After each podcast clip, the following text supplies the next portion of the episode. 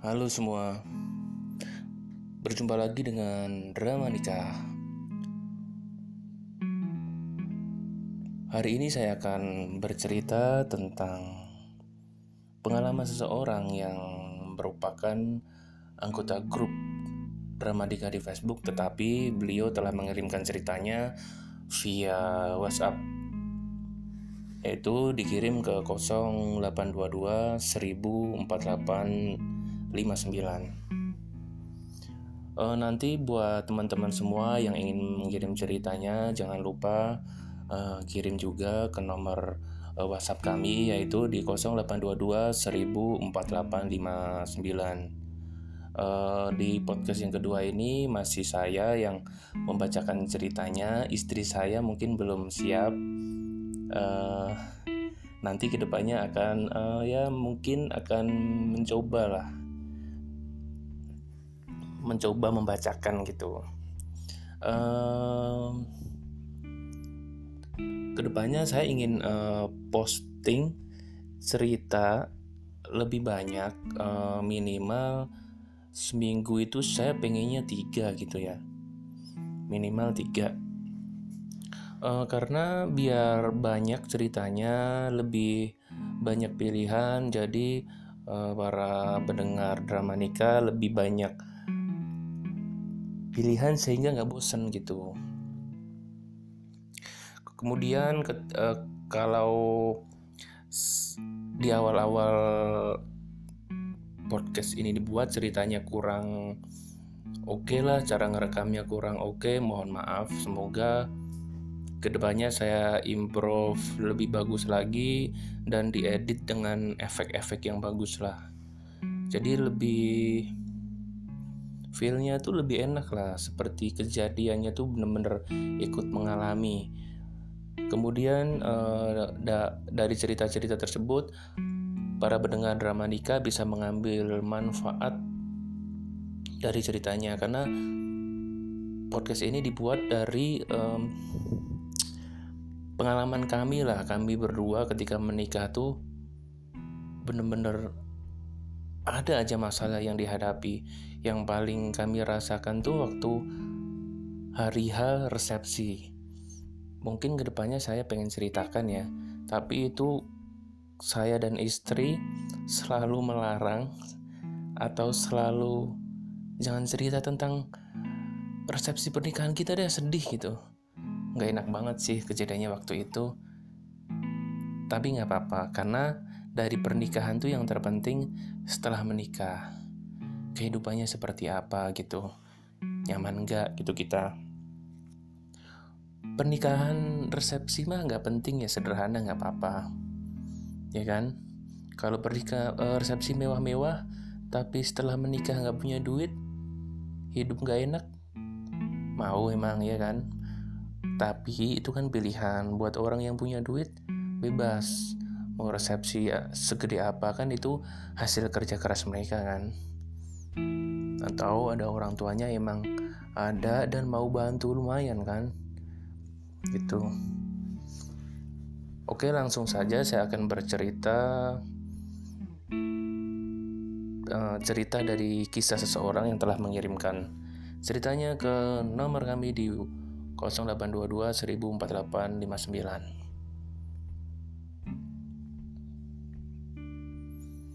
Uh, saya udah mencoba baca sebelumnya ya. Ini lumayan panjang kalau di WhatsApp kelihatannya panjang, tapi nggak tahu kalau dibacakan tuh panjang atau tidak. Saya akan coba sembari memahami kembali ya. Kurang lebih ceritanya seperti ini ini bukan nama sebenarnya ya. Jadi beliau mengirimkan ke saya emang sudah dirubah sih namanya sih. Ya takutnya ada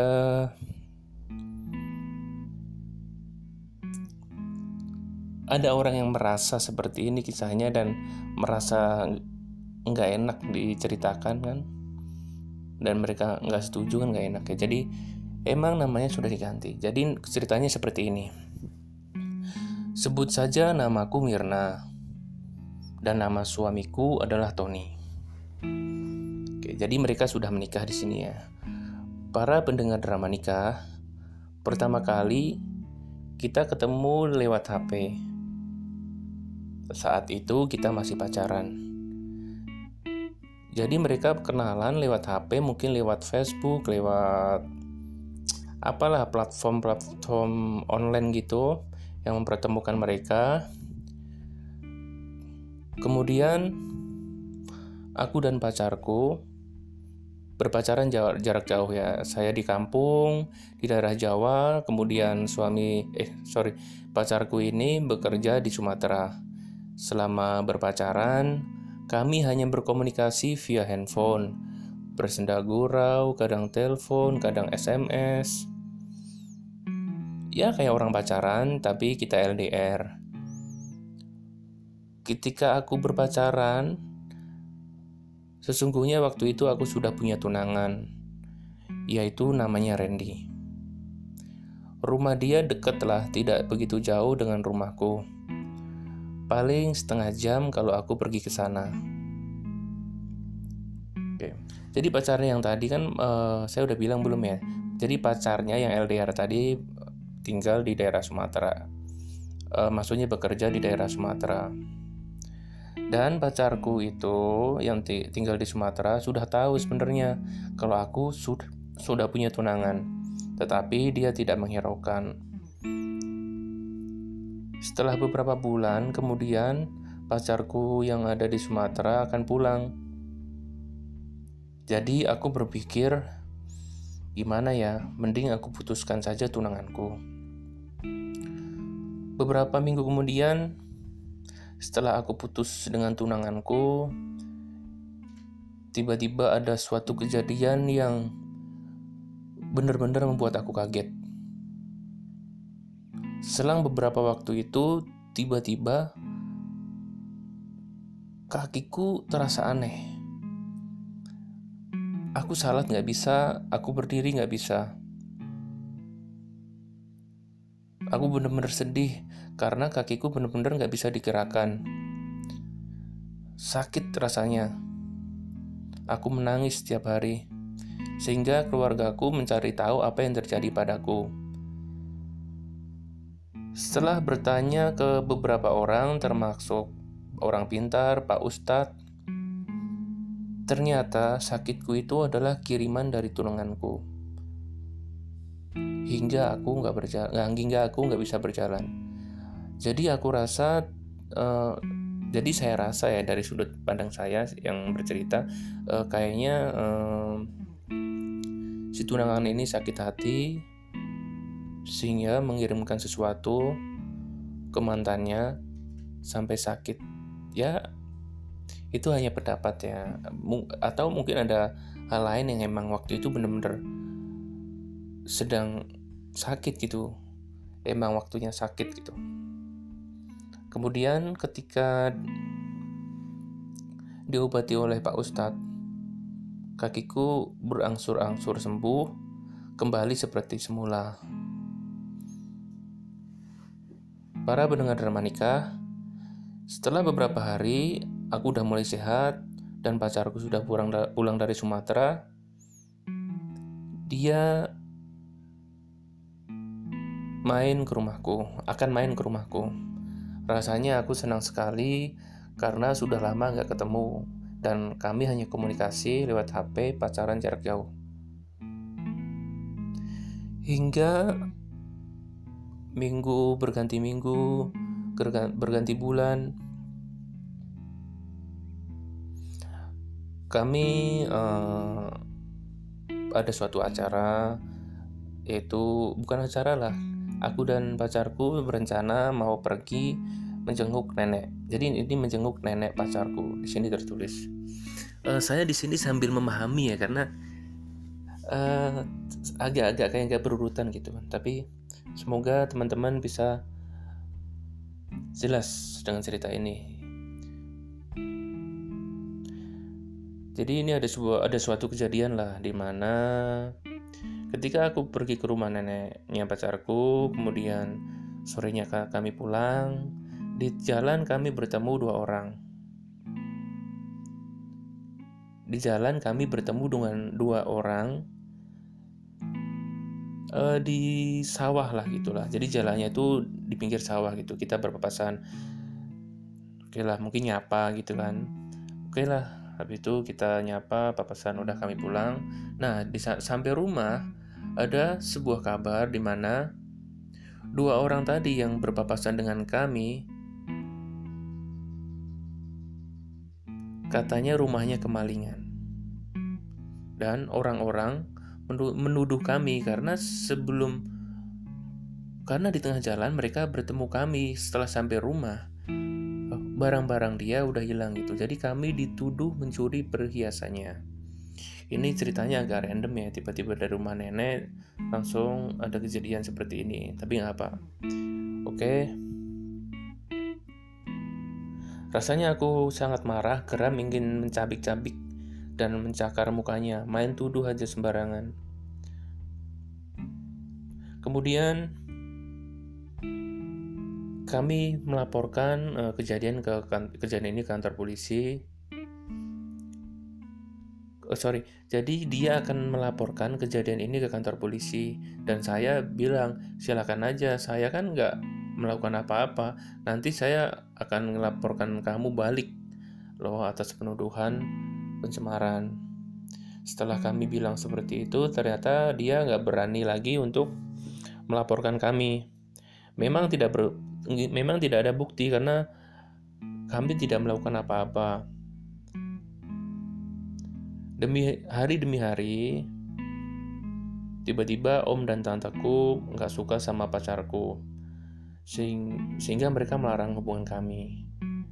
Sampai mereka datang ke tempat orang-orang pintar agar agar bisa memisahkan kami. Oke, jadi gini, kalau saya baca dari cerita ini ternyata uh, setelah mereka berpacaran uh, dengan pacarnya ini yang dulu tinggal di Sumatera banyak hal-hal meng yang menghalangi mereka gitu. Jadi si pencerita ini uh,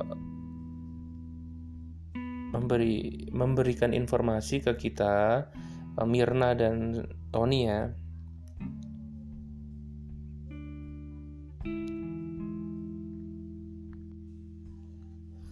Oke, saya lanjut. Maaf tadi kayak ada suara masuk takutnya ada suara takutnya masuk ikut kerekam. Nah, jadi uh, Mirna ini kayak ngasih tahu, jadi dalam hubungan mereka berpacaran tuh kayak ada banyak hal lah yang menghalangi mereka dituduh mencuri lah terus tantenya nggak suka lah jadi seperti itu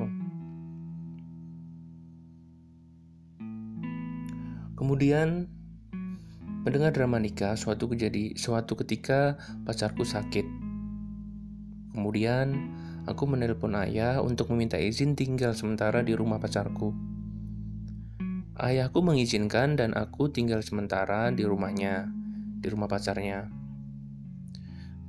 Sehingga tahu hal ini, om dan tantaku semakin menjadi-jadi. Marah bukan main karena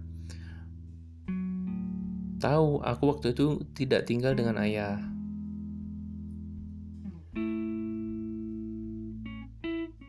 Dua minggu berlalu, aku tinggal bersama pacarku dan di sini mungkin sama orang tuanya ya. Jadi dia membantu merawat gitu. Dua minggu berlalu oke okay, jadi di sini mereka tunangan si pacarnya melamar Mirna kemudian aku izin ke ayahku dan ayahku bilang semua ada di tangan kamu Kemudian akhirnya kami menikah dan setelah menikah kami tinggal bersama ibu mertua. Saya tinggal bersama ibu mertua. Ketika tinggal bersama ibu mertua awalnya baik tapi selanjutnya banyak perubahan.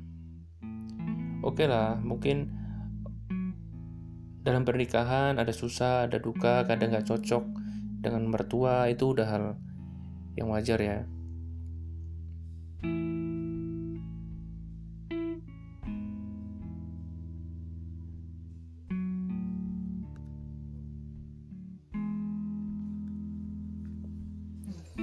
Pendengar drama nikah. Kemudian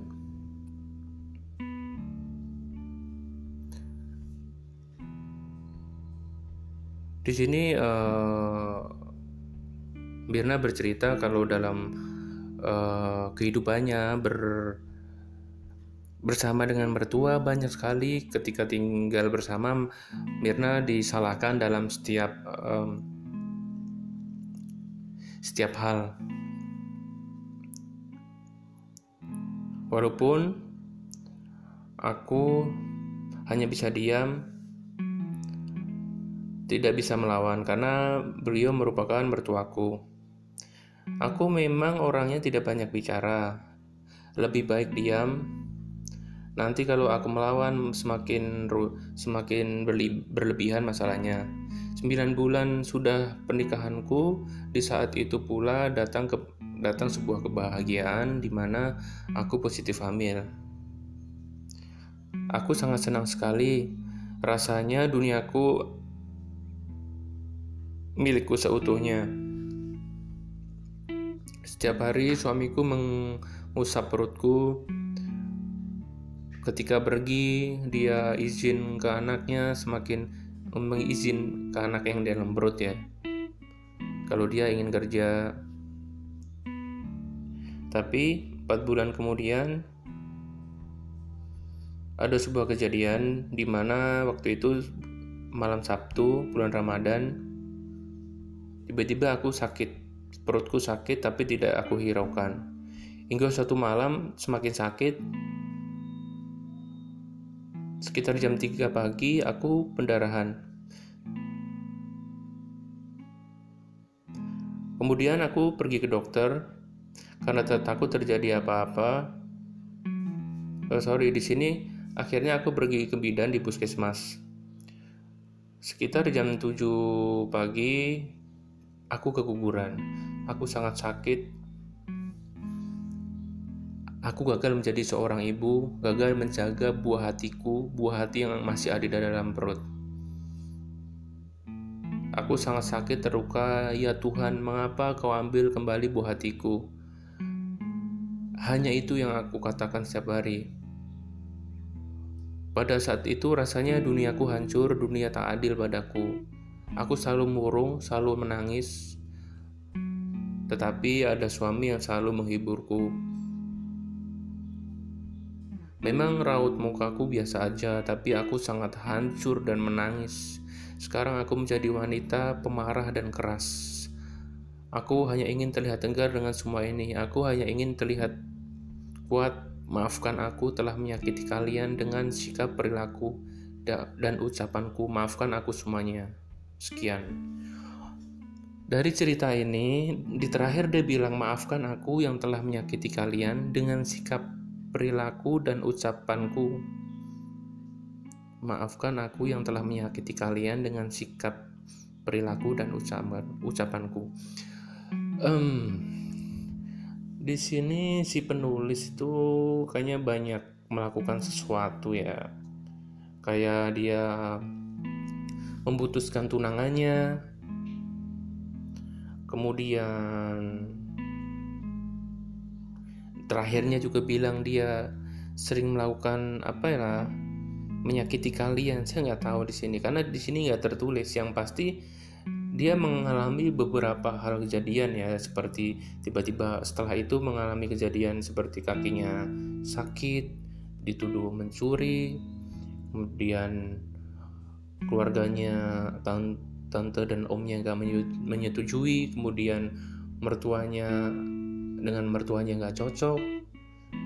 Terakhir kali anaknya keguguran. Anak yang di dalam perut ya. Uh, saya nggak tahu. Cuma kita mesti banyak belajar dari kejadian ini. Semoga ada hal yang bisa diambil dan kita bisa introspeksi terhadap diri sendiri. Gimana komentar kalian teman-teman? Dan semoga ke depannya banyak cerita-cerita yang menarik dan bisa diambil manfaatnya. Jangan lupa buat teman-teman yang ingin mengirim cerita kirim ke WhatsApp kami 0822 1000 4859. Terima kasih.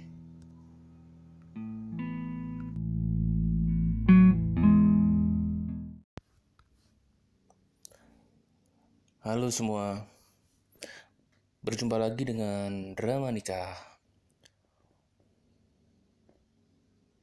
Hari ini saya akan bercerita tentang pengalaman seseorang yang merupakan anggota grup drama nikah di Facebook, tetapi beliau telah mengirimkan ceritanya via WhatsApp yaitu dikirim ke 0822 1048 59.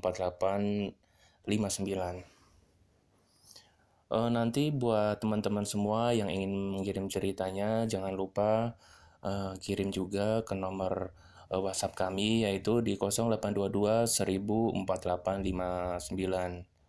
Uh, di podcast yang kedua ini masih saya yang membacakan ceritanya. Istri saya mungkin belum siap. Uh, nanti ke depannya akan uh, ya mungkin akan mencoba lah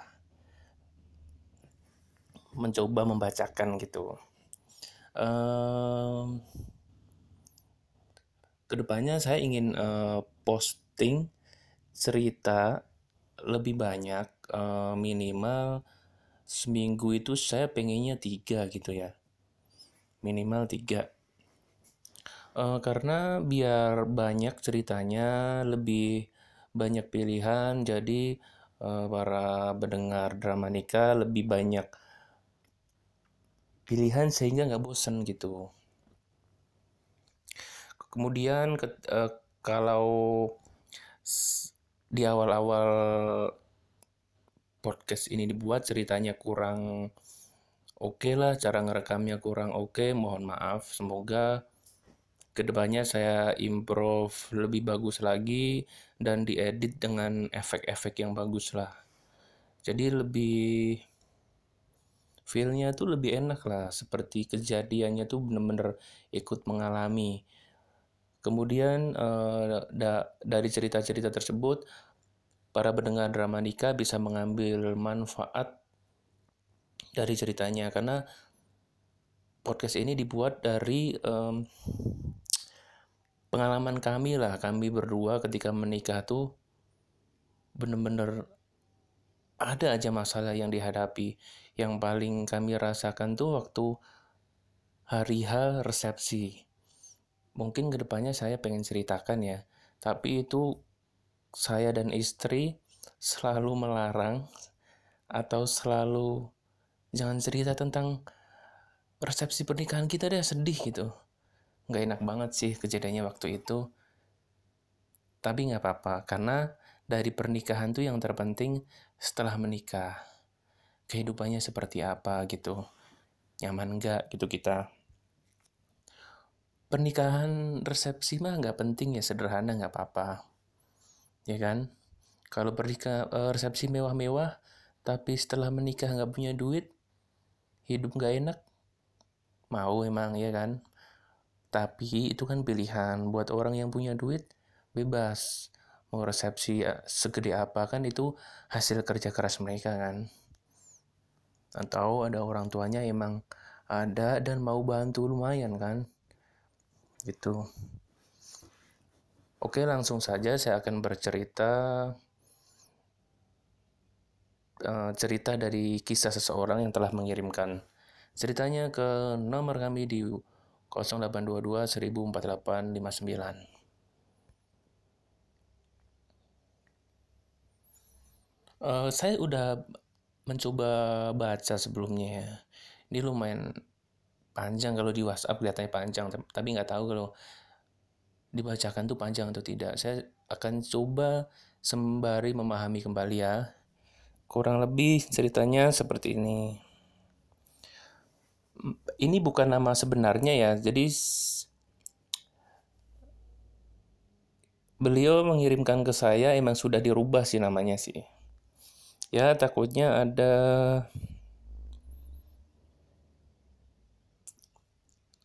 ada orang yang merasa seperti ini kisahnya dan merasa nggak enak diceritakan kan dan mereka nggak setuju kan nggak enak ya jadi emang namanya sudah diganti. Jadi ceritanya seperti ini. Sebut saja namaku Mirna dan nama suamiku adalah Tony. Oke, jadi mereka sudah menikah di sini ya.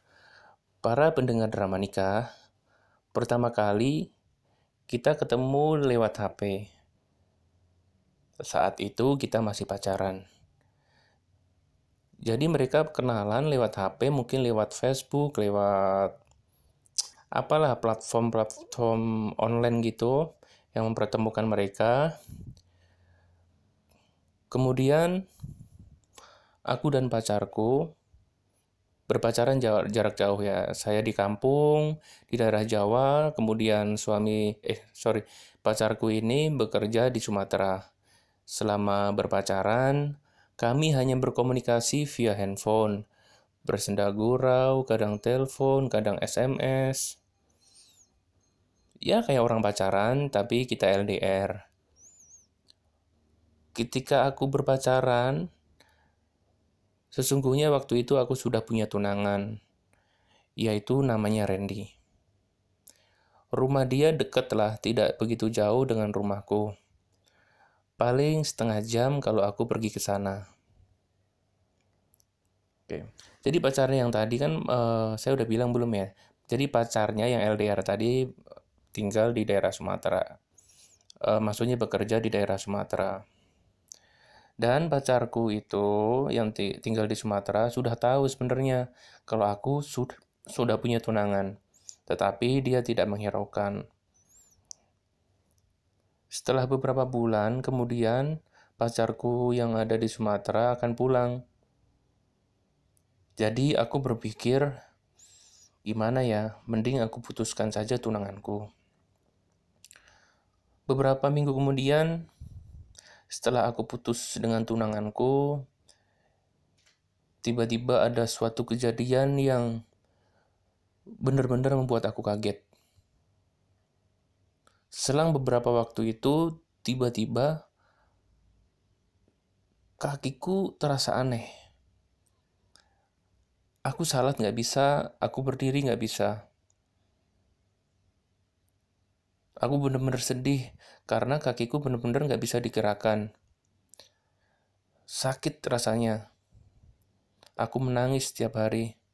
Sehingga keluargaku mencari tahu apa yang terjadi padaku.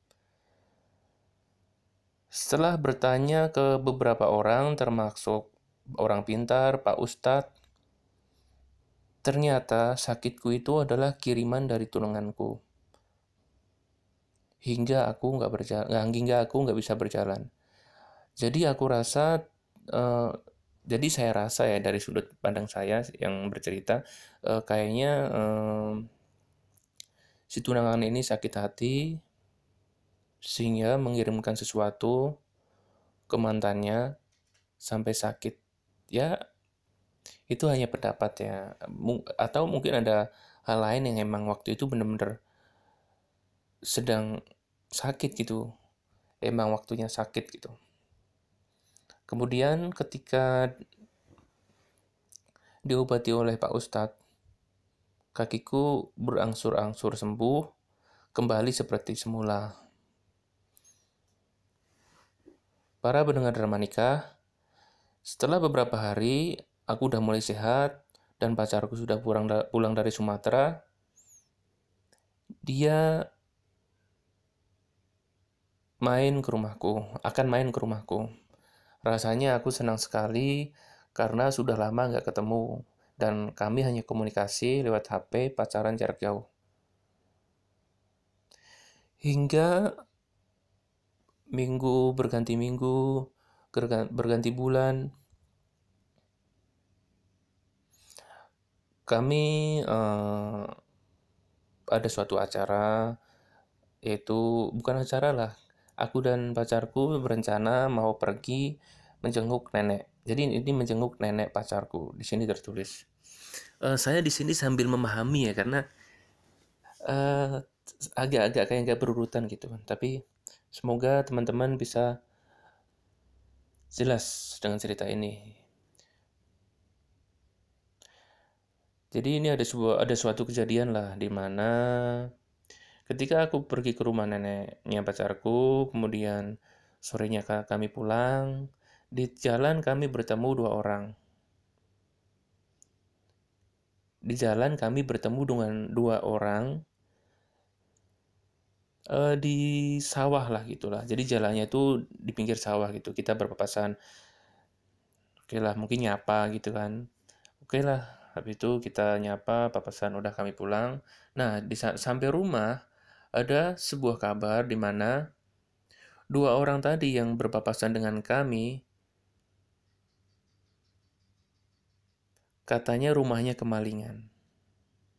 Dan orang-orang menuduh kami karena sebelum karena di tengah jalan mereka bertemu kami setelah sampai rumah oh, barang-barang dia udah hilang gitu. Jadi kami dituduh mencuri perhiasannya.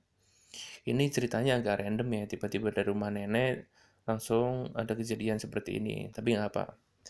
Oke. Rasanya aku sangat marah geram ingin mencabik-cabik dan mencakar mukanya, main tuduh aja sembarangan. Kemudian kami melaporkan uh, kejadian ke kan, kejadian ini ke kantor polisi. Oh, sorry, jadi dia akan melaporkan kejadian ini ke kantor polisi dan saya bilang silakan aja, saya kan nggak melakukan apa-apa. Nanti saya akan melaporkan kamu balik loh atas penuduhan pencemaran. Setelah kami bilang seperti itu, ternyata dia nggak berani lagi untuk melaporkan kami. Memang tidak ber, memang tidak ada bukti karena kami tidak melakukan apa-apa. Demi hari demi hari, tiba-tiba om dan tanteku nggak suka sama pacarku, sehingga mereka melarang hubungan kami. Sampai mereka datang ke tempat orang-orang pintar agar agar bisa memisahkan kami. Oke, jadi gini, kalau saya baca dari cerita ini ternyata uh, setelah mereka berpacaran uh, dengan pacarnya ini yang dulu tinggal di Sumatera banyak hal-hal meng yang menghalangi mereka gitu. Jadi si pencerita ini uh,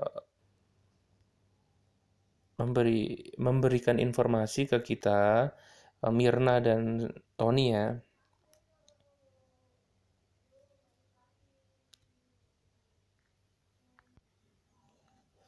Oke, saya lanjut. Maaf tadi kayak ada suara masuk takutnya ada suara takutnya masuk ikut kerekam. Uh, jadi uh, Mirna ini kayak ngasih tahu, jadi dalam hubungan mereka berpacaran tuh kayak ada banyak hal lah yang menghalangi mereka dituduh mencuri lah, terus tantenya nggak suka lah, jadi seperti itu. Kemudian mendengar drama nikah suatu kejadi suatu ketika pacarku sakit. Kemudian aku menelpon ayah untuk meminta izin tinggal sementara di rumah pacarku. Ayahku mengizinkan dan aku tinggal sementara di rumahnya, di rumah pacarnya. Sehingga tahu hal ini, om dan tantaku semakin menjadi-jadi. Marah bukan main karena tahu aku waktu itu tidak tinggal dengan ayah.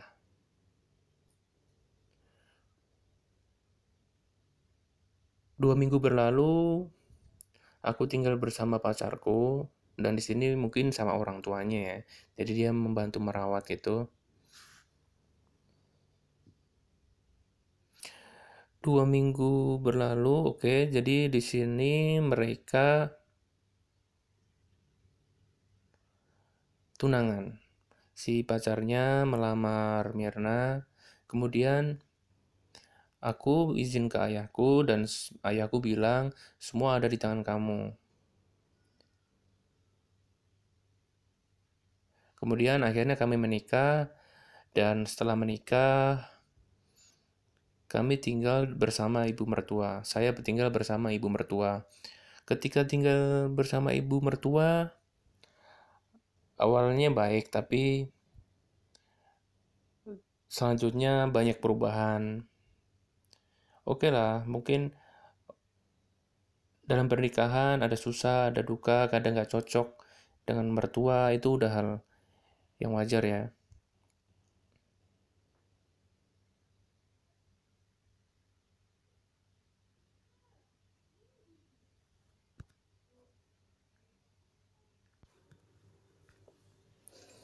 Pendengar drama nikah.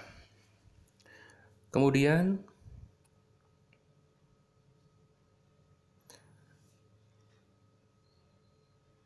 Di sini uh, Mirna bercerita kalau dalam uh, kehidupannya ber bersama dengan mertua banyak sekali ketika tinggal bersama Mirna disalahkan dalam setiap um,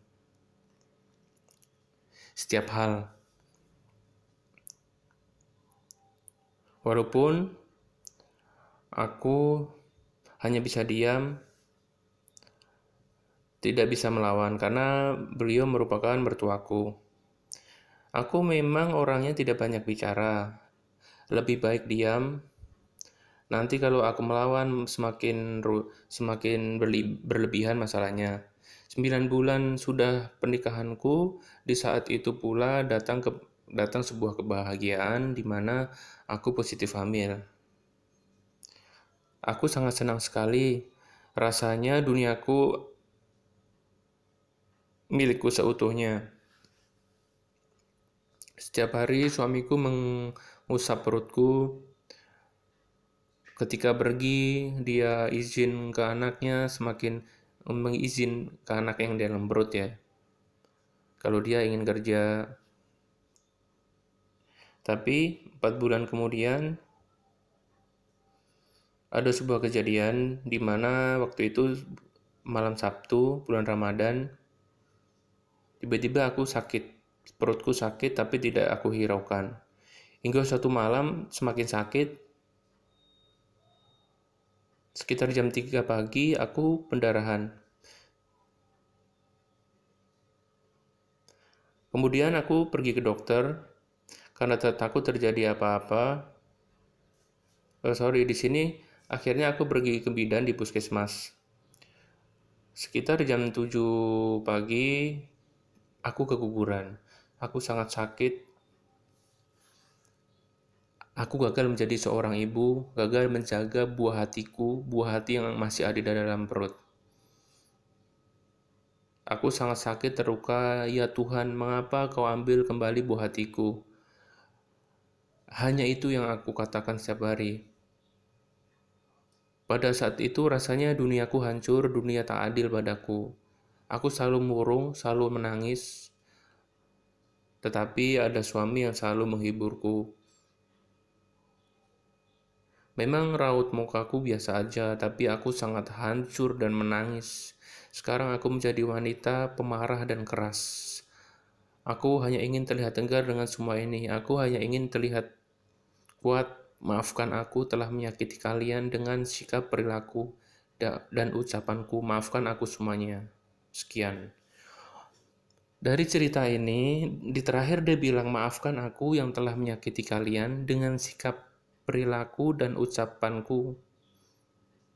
Maafkan aku yang telah menyakiti kalian dengan sikap perilaku dan ucapan ucapanku. Um, di sini si penulis itu kayaknya banyak melakukan sesuatu ya. Kayak dia memutuskan tunangannya, kemudian terakhirnya juga bilang dia sering melakukan apa ya menyakiti kalian. Saya nggak tahu di sini karena di sini nggak tertulis. Yang pasti dia mengalami beberapa hal kejadian ya seperti tiba-tiba setelah itu mengalami kejadian seperti kakinya sakit dituduh mencuri kemudian keluarganya tante dan omnya nggak menyetujui kemudian mertuanya dengan mertuanya nggak cocok. Terakhir kali anaknya keguguran. Anak yang di dalam perut ya uh, saya nggak tahu cuma kita mesti banyak belajar dari kejadian ini semoga ada hal yang bisa diambil dan kita bisa introspeksi terhadap diri sendiri. Gimana komentar kalian, teman-teman? Dan semoga ke depannya banyak cerita-cerita yang menarik dan bisa diambil manfaatnya. Jangan lupa buat teman-teman yang ingin mengirim cerita kirim ke WhatsApp kami 0822 104859. Terima kasih.